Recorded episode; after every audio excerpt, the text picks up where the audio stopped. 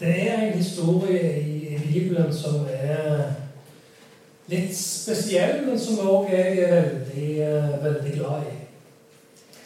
Og eh, vi har liksom hatt noen merkelige år nå med pandemi og, og sånt. Og så har vi liksom plutselig mer eller mindre lagt det fra oss, og nå er jo nyhetsbildet det er opptatt av andre ting. Men vi skal se på en tekst i dag som handler litt om pandemi og pest. Pandemi og pest. Og det er fra, fra første krønikebok, kapittel 21. Og det er jo ikke akkurat en bok som vi ofte leser i, og ofte kanskje setter oss ned når vi skal ha ei stille stund. Det er første krønikebok. Men jeg tror det, det står noe der som òg er ganske reelt og viktig for oss i dag òg. Vi skal egentlig lese fra vers 15, men det er jo midt i historien. Så jeg tenkte litt sånn kjapt her nå at, bare, at jeg bare forteller litt forhistorien før vi leser teksten fra vers 15. Første krønikebok, kapittel 21. Og hvis vi tar vers 1, så står det noe veldig rart. Det står at Satan sto opp mot Israel og egget David til å telle Israel. Så djevelen prøvde å lure David, sier David håndmodig og telle hvor mange krigere er det som er i Israel. David han falt for denne fristelsen. Han hadde litt lyst til å se hvor mange soldater han hadde. I seg sjøl kan vi tenke at det her er en sånn uskyldning uskyldnings... Altså ikke noe galt i seg sjøl å telle hvor mange krigere det er. Men i Moseloven så står det at folket skal bare bli telt når Gud har bestemt det. Når Gud vil at folket skal bli telt, da skal de bli telt. Så det var egentlig feil av, eh, av David å begynne å gjøre det. Begynte å telle folket av hovmodighetsgrunner. For å se hvor stor og prektig han var. Eh, hvor mange krigere har jeg? For det står at Joab, han som reiste rundt og telte folket, han, han var en styggdom i hans øyne. Han visste det var feil, men siden kongen gjorde det, så, så valgte han å gjøre det. Siden kongen sa det, så valgte han å gjøre det. Så står det at Levi og, og Benjamins stamme de telte han sjøl. Altså, to, to stammer som han utelot, som han liksom ikke gadd å telle. Og da når David liksom har fått svar, og David har synda, så sender Gud en straffedom. En pest som tar livet av 70 000 personer i Jerusalem. Og der kommer altså vi inn midt i denne historien her. Så vi kan lese nå fra første krønikebok, kapittel 21, fra vers 15. Vi leser i Jesu navn. Og Gud sendte en engel til Jerusalem for å ødelegge byen. Men da han på med å ødelegge, så Herren det, og han angret det vonde og sa til engelen som gjorde ødeleggelsen. Det er nok Dra nå din hånd tilbake. Herrens engel sto der ved Jebusitten, kornens treskeplass. David løftet blikket, og da fikk han se, se Herrens engel som sto mellom jorden og himmelen med et løftet sverd i hånden.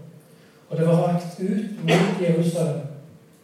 Da falt David og de eldste ned på sitt ansikt, kledd i sekk.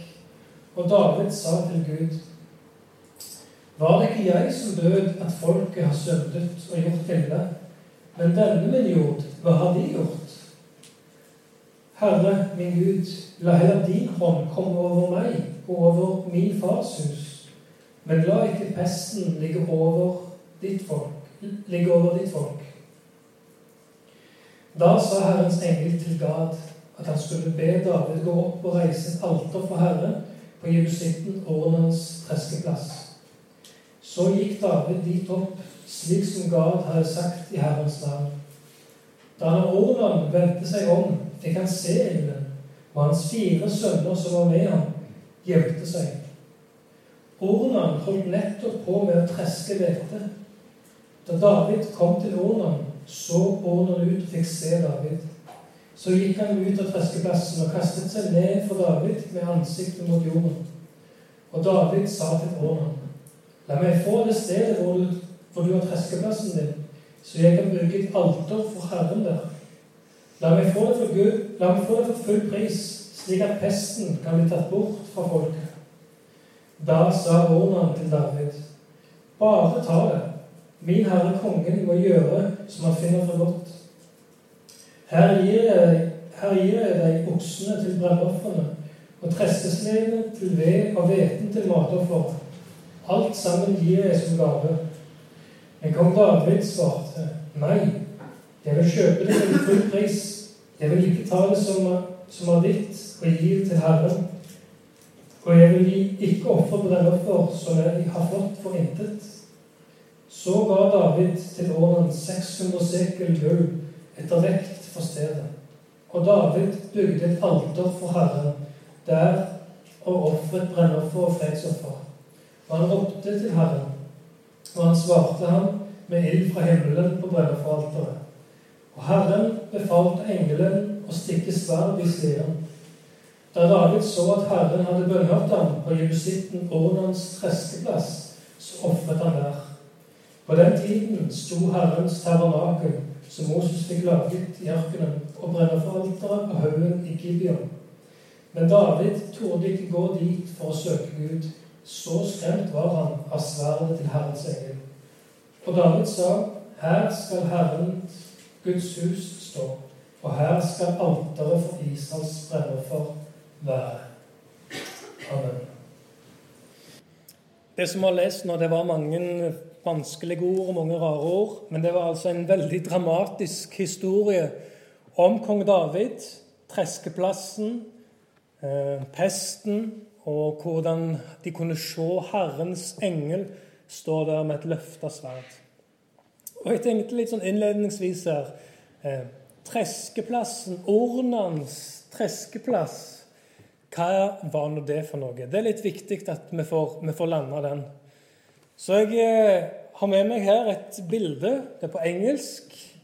Av Treskeplassen. Det er altså en plass der de da hadde hvete, hadde korn. Og de da hadde enten eh, utstyr, sånn som her, at de kjørte ei tralle med hest eller okse, og for å treske kodene. Eh, for å ta vekk da skille agnet fra hveten. Så kunne de da ha en en slags eh, kasteskovl, så bilde som Jesus bruker. Så det var jo veldig inn òg, dette på Jesus sitt tid. Men du kunne hive det opp i lufta, og så kunne da vinden den gjøre jobben. Den skiller agnene fra hveten. Mens agnene, det sa Jesus, det skulle du brenne opp. Eh, mens hveten vil han ta med seg inn på låven. Så det er et bilde der som Jesus òg eh, bruker. Men det var altså for å samle inn korn, så hadde de treskeplassen der de treska korn. Og Vi har altså lest en veldig dramatisk historie. Det er altså David som har synda mot Gud. David er kjent for to store synder. David og Batseba, som vi kjenner utrolig godt, og denne folketellingen her på slutten av hans liv, der Gud sender en engel, en Herrens engel, med et sverd, og det slår ut i en pest. Og det er ganske utrolig at, at Gud skal straffe synda, Og han sender sin engel, en engel som står med et løfta sverd.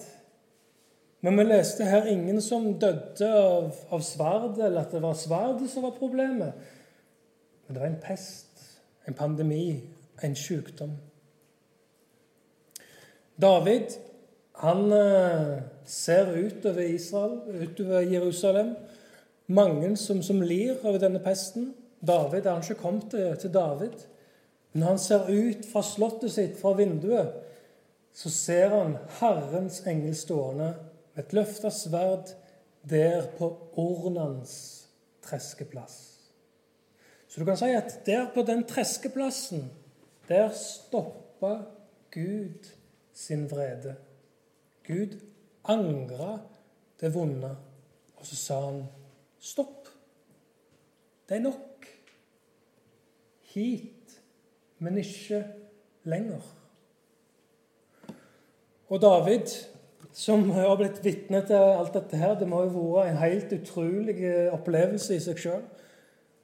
Jeg vet ikke om du noen gang har sett en engel, men det finnes jo en engleverden. Jeg minnes Peter etter han hadde sittet i fengsel og ble liksom løst derifra av den engelen som viste vei ut. Han, trodde vel først han var i en drøm. Og Så kom han tilbake til huset der disiplene var samla.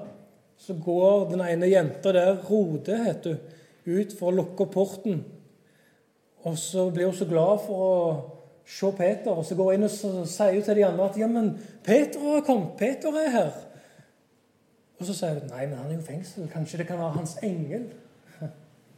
Så kanskje er det sånn at det er forskjellige engler som, som omgir oss, passer på oss og beskytter oss. David så iallfall en, en voldsom engel som sto der med et løfta sverd. Og David har en ganske så unik og fin bekjennelse i vers 17, som vi leste. Og Her i vers 17 så skimter du noe av David sitt hjerte, det som rørte seg på innsida av hans liv. Han var en mann med, med, sine feil, med sine synder, med sine mangler. Men samtidig er David, kong David mannen etter Guds hjerte. Og det er noe av det, akkurat det der det skimter vi her i vers 17. For der sier og ber David var det ikke jeg som bød at folket skulle telles? Det er jeg som har syndet og gjort ille. Men denne min jord, hva har de gjort? Herre min Gud, la heller din hånd komme over meg og over min fars hus, men la ikke pesten ligge over ditt folk. Det er ganske stort å, å lese denne bønnen til, til kong David. For han sier liksom Ta meg, Gud. Ta meg, la synden og dommen gå utover meg. Men de andre, disse andre her, de skal få lov til å, til å gå fri. De har ikke gjort noe galt. De fortjener ikke å, å li som en følge av dette her. Mine tanker de går til vår Herre Jesus, den egentlige Davids sønn. For det var jo akkurat det som han gjorde. Han lei. Jesus lei på, på Golgata, på krossen. For at de andre For at vi skulle få lov til å, til å gå fri. Så har vi denne bønnen til kong David her, som er en voldsomme bønn. Og kong David, han eh, han hadde nok en eh, toveiskommunikasjon med Gud. Han har skrevet mange av salmene i Salmenes bok, og alt som vi leser fra hans liv, tyder på at kong David har hatt en nær og god relasjon med Herren. Men så er det òg det at når vi leser at når David da har gjort noe galt, da er det akkurat som denne toveiskommunikasjonen Gud, Gud går liksom ikke direkte til David. Men han trenger en utenifra som kan liksom komme inn og forkynne Guds ord inn i livet til David. Kanskje husker du 2. Samuels bok, kapittel 12, etter at David og Batsebe har, har synda. Hvem var det som kom til kong David da? Jo, det var Nathan. Profeten Nathan kom inn der med, med Guds ord og hadde denne lignelsen om denne fattige som ikke hadde noen ting, og så den rike som hadde hele huset sitt fullt av masse rikdom. Og så trengte David å bli oppløfta på den måten at en utenifra pekte på synden hans, og at han sånn kunne komme til omvendelse. Og litt samme er det som skjer her. For her er det en annen profet. Profeten Gad. Davids seer, eller Davids profet som nå har fått et ord fra Herren, som han nå skulle ta videre inn til David. Og Gad sier til David David, du skal gå til Ornan, jebusitten Ornans treskeplass. Der som du ser denne engelen med et løfta sverd Bort dit skal du gå, og så skal du bære fram et offer, lage til et alter og ofre til Gud. Det er den eneste måten for at pesten skal slutte, for at synda skal bli tilgitt. Det er hvis du kan bære fram et offer for Gud. Og David, han gjør det. Han går til Ornan. Og Vi leste det at Ornan hadde fire sønner, og de så alle denne engelen med løfta sverd, og de ble så redde at de sprang og gjemte seg. Det var ikke småtterier, det var ikke noe stor ståhei der i gården når de så denne engelen stående der. Og David kommer til Ornan, jebusitten Ornan. Merkelig navn og merkelig person. Og hvem var nå han? Han var ingen jøde, han var en utlending. En av disse jebusittene som da hadde bodd i Jerusalem fra gammel tid av. Du kan si at når Josva-folket inntok landet, så var noe av planen at de skulle legge, legge unna seg alle disse folka her. Men Jerusalem hadde de aldri klart å inntatt, så der bodde jebusittene fritt. Ornan han er en av disse her som bodde der. Litt høyt oppe må ha vært, der det har vært en del vind for å drive med å hive alt dette kornet på treskeplassen opp i været for å skille eh, kodene og agnene. Og så sier David at 'jeg har lyst til å kjøpe din treskeplass'. Bare si hvor mye du vil ha, så skal, jeg kjøpe den av deg. Og så svarer Ornan at 'nei, du, den her skal du få. Jeg har ikke lyst til å, å selge den til deg. Den skal du få.' Og Så sier David nei, nei, nei, denne her har jeg lyst til å kjøpe. Jeg skal bygge et alter for Herren. Og Så sier Ornan at eh, eh, han ga seg til slutt, og David fikk lov til å kjøpe både selve plassen, oksene som da holdt på å treske, og sjølve den sleden som de brukte til dette her. Og David gjør klart sitt, sitt offer, eh, bygger sitt alter. Og så står det ganske interessant her i slutten eh, at han roper på Herren. Når han hadde bygd alteret, så ropte David på Herren. Og vers 27. Og Herren Vers 26. Og han ropte til Herren, og han svarte ham med ild fra himmelen på brennofferalteret. Og Herren befalte engelen å stikke sverdet i sliren. Så Sånn tok det altså slutt på denne, med denne pesten, med denne pandemien, med denne engelen som sto der med et løfta sverd. David ropte på Herren. Han hadde ikke med seg fyrstikker og prøvde sjøl å tenne, men det var Herren som svarte med, med ild. Eh, og David, vers, og da i eh, kapittel 22, vers 1 Og David sa, her skal Herren, Guds hus, stå, og her skal alteret for Israels brennoffer være. Ornans treskeplass ble altså fundamentet for tempelet i Israel, i Jerusalem. Der som Bornans treskeplass, der Gud sa 'det er nok', dit, men ikke lenger. Der ble fundamentet for, for tempelet lagt. Og David han hadde et så inderlig stort ønske om å få lov til å bygge Herrens tempel, Guds tempel. Og Nathan trodde også en stund at ja, David, du, du kan be om hva som helst, og det skal skje. Men så svarte Gud og sa at nei, David, du har for mye blod på dine hender. Du har vært en krigerkonge, du har kjempa og slåss. Du skal ikke bygge mitt tempel, men du skal få en sønn, og din sønn Salomo, han skal bygge meg et tempel. Og leser vi da andre krønike 3.1 så står det så nøyaktig, så detaljert som dette her. Så begynte Salomo å bygge Herrens hus i Jerusalem. Andre krønike 3.1. Herrens hus i Jerusalem på Moriafjellet. Det var der Herren hadde åpenbart seg for hans far David, på det stedet David hadde gjort i stand på jebusitten Ornans treskeplass. Ja, tempelet der jødene skulle drive sin gudsdyrkelse. Tempelet der Gud skulle bo i de aller helligste. Det ble fundamentet lagt på Ornans treskeplass.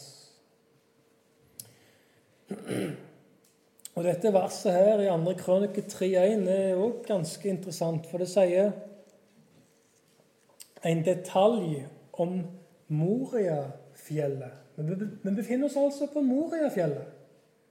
Ornans treskeplass ligger på Moriafjellet, og hva var det nå det kjent for?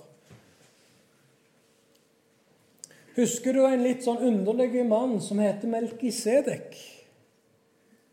Han som kom i møte med Abraham i første Mosebok, og med vin og brød, og takka han for at Abraham hadde slåss mot fem andre konger og vunnet. Og Melkisedek, som var prest og konge for den levende Gud i Jerusalem, han velsigna Abraham der. Og Abraham som fikk en sønn, Isak, når han var 100 år. Skulle jo ikke gått an. Og det går egentlig ikke an. Men ingenting er umulig for den levende Gud. Og så sier Gud plutselig noe underlig til denne gamle mannen. Du skal ta med deg sønnen din. Du skal gå opp på Moriafjellet. Der skal du ofre Isak til meg. Du skal bringe fram et offer til meg. Abraham han gjorde sånn som han fikk beskjed om, og traska opp der på Moriafjellet. Hadde sønnen sin Isak med seg. Og Isak, når de nærmer seg, så blir han jo litt sånn forveten og lurer litt på Men hvor er offerdyra henne? Hva er det vi skal ofre til Gud henne? Han skjønte jo det, gutten, at for at vi skal bære fram et offer, så trenger vi et, et dyr. Og så svarer pappa Abraham at Herren skal sjøl se seg ut et offer. Og om Isak ble lagt der, og han sto klar med kniven og bonden på knær og armer Hva slags tanker har det gått igjennom denne faren, denne Abraham? Men så sier Gud stopp. Hit, men ikke lenger. Og så kunne de høre brekinga av en vær som sto bonden der oppe. Det var offerdyret som skulle bli ofra. På Moriafjellet. Abraham var der oppe med Isak sånn cirka, hvis, dere, hvis vi er snille med hverandre, ca. år 2000 før Kristus. Hvis vi da går 1000 år fram i tid, ca. år 1000 før Kristus, så har vi nå teksten som vi har lest, med David og Ornan og Treskeplassen og Herrens engel, eh, som òg krevde et offer. Og så Hvis vi da går 1000 år fram i tid, på Moriafjellet, der Jesus, Guds enbårne sønn, strekker ut sine armer på krossen Gud som Abraham som slapp å ofre sin eneste sønn Isak. Og så var det Gud 2000 år seinere som nettopp ofra sin enbårne sønn Jesus for deg og for meg. Og det hele utspant seg på dette spesielle fjellet, disse spesielle toppene, Moria-fjellet. Moria-fjellet. Mye som har skjedd der oppe. Ornans treskeplass. En annen plass i Bibelen står han forklart som Aravnas treskeplass. Det er vel 2. Samuels bok kapittel 24. Men det er vel heller en hederstittel som er gitt til Ornan. Og Kjenner du noen andre treskeplasser i Bibelen? Det er ikke så ofte vi snakker om treskeplasser. Det er ikke så ofte jeg snakker om det. Derfor jeg måtte ha meg et bilde om, sånn at vi alle for sikre på at vi alle forsto hva vi egentlig snakker om. Kjenner du til Nakons treskeplass? Det er nemlig sånn at Nakons treskeplass står som det motsatte av Ornans treskeplass. Og den ligger enda mer gjemt, Ornans treskeplass, godt gjemt, Nakons treskeplass, enda mer. For så langt mitt øye kan se, så står det bare nevnt én plass i hele vår bibel.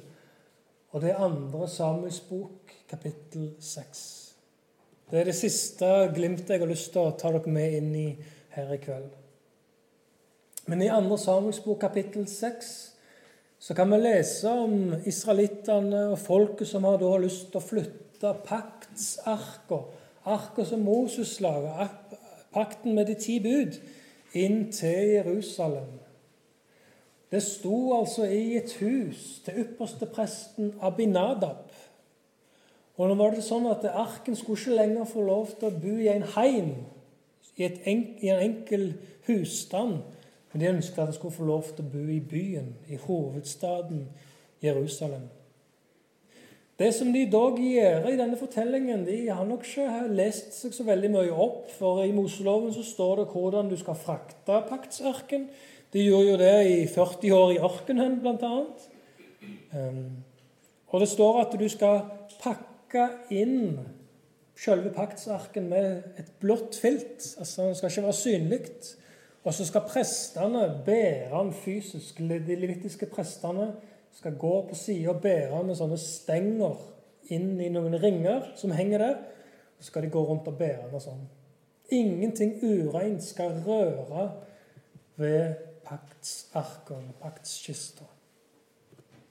Når så David og resten av gjengen skal frakte kista inn til Jerusalem, så har de forsømt noe av dette her. For da er det ikke Eh, prestene som bærer det, men de har satt på paktkista på ei slags tralle med noen okser som går foran.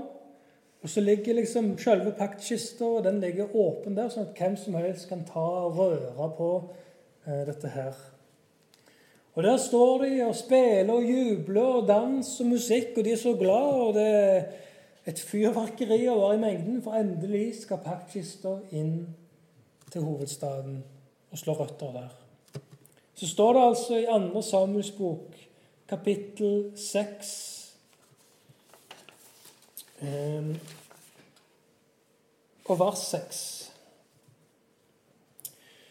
Da de kom til Nakons treskeplass, rakte Ussa hånden sin ut og tok fatt i Guds ark, for oksene var blitt ustyrlige. Da ble Herrens vrede oppdent mot Usa.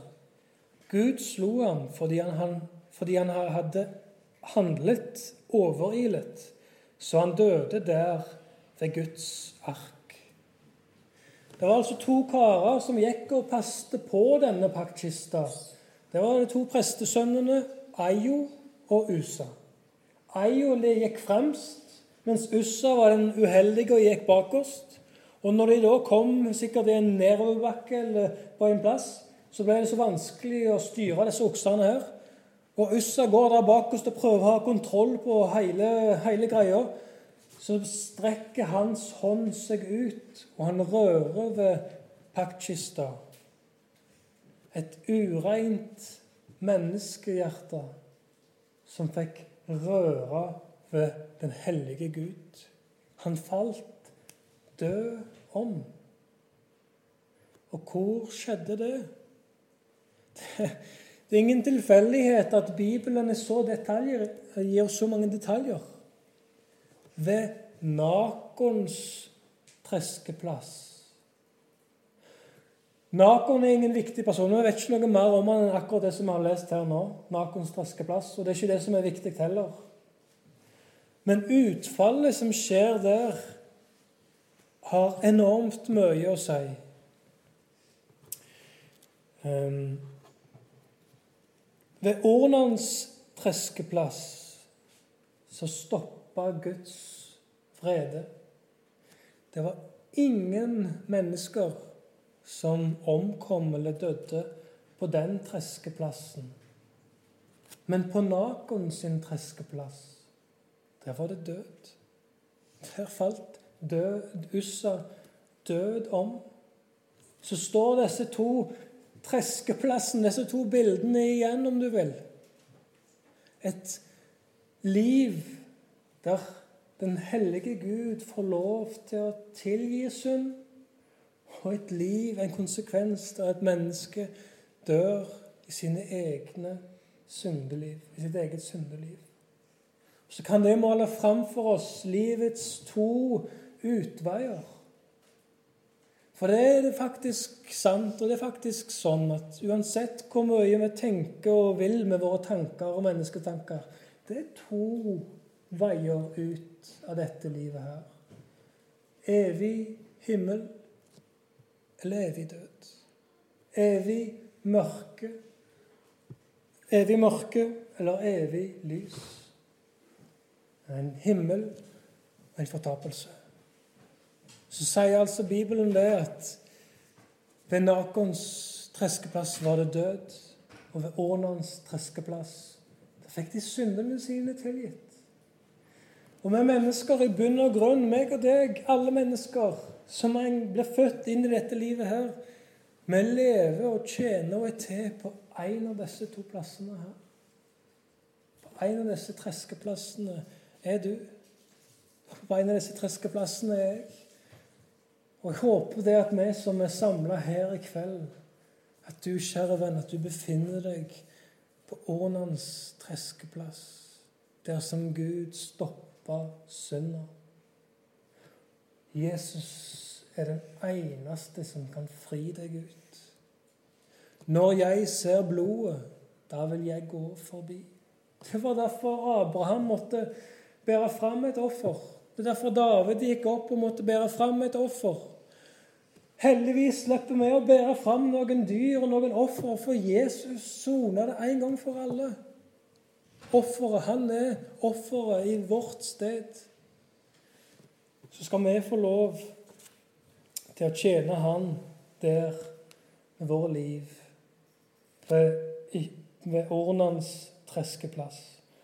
Så må ingen av oss bli liggende igjen på Nakon sin treskeplass. Men kom til Jesus, så vil han ta deg med, og han vil gi deg liv. Skal vi be. Takk, Jesus, for du er her. Takk, Jesus, for ordet ditt som er rent og hellig. Takk, Jesus, for at du vil at alle mennesker skal bli frelst. Og takk, Jesus, for din nåde som er ny hver dag. Takk, Jesus, for at du sonte et offer en gang for alle. Og det er godt nok for alle oss, for alle oss som tror på deg. Du tar imot oss med åpne armer gang på gang på gang. Så ber vi Jesus for våre liv, for oss som er samla her. Du kjenner oss, du vet våre tanker.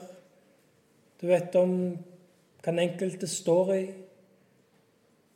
Og du vet om våre svakheter, våre fallgruver, og hva den enkelte har en tendens til å falle ut i og inn i Jesus.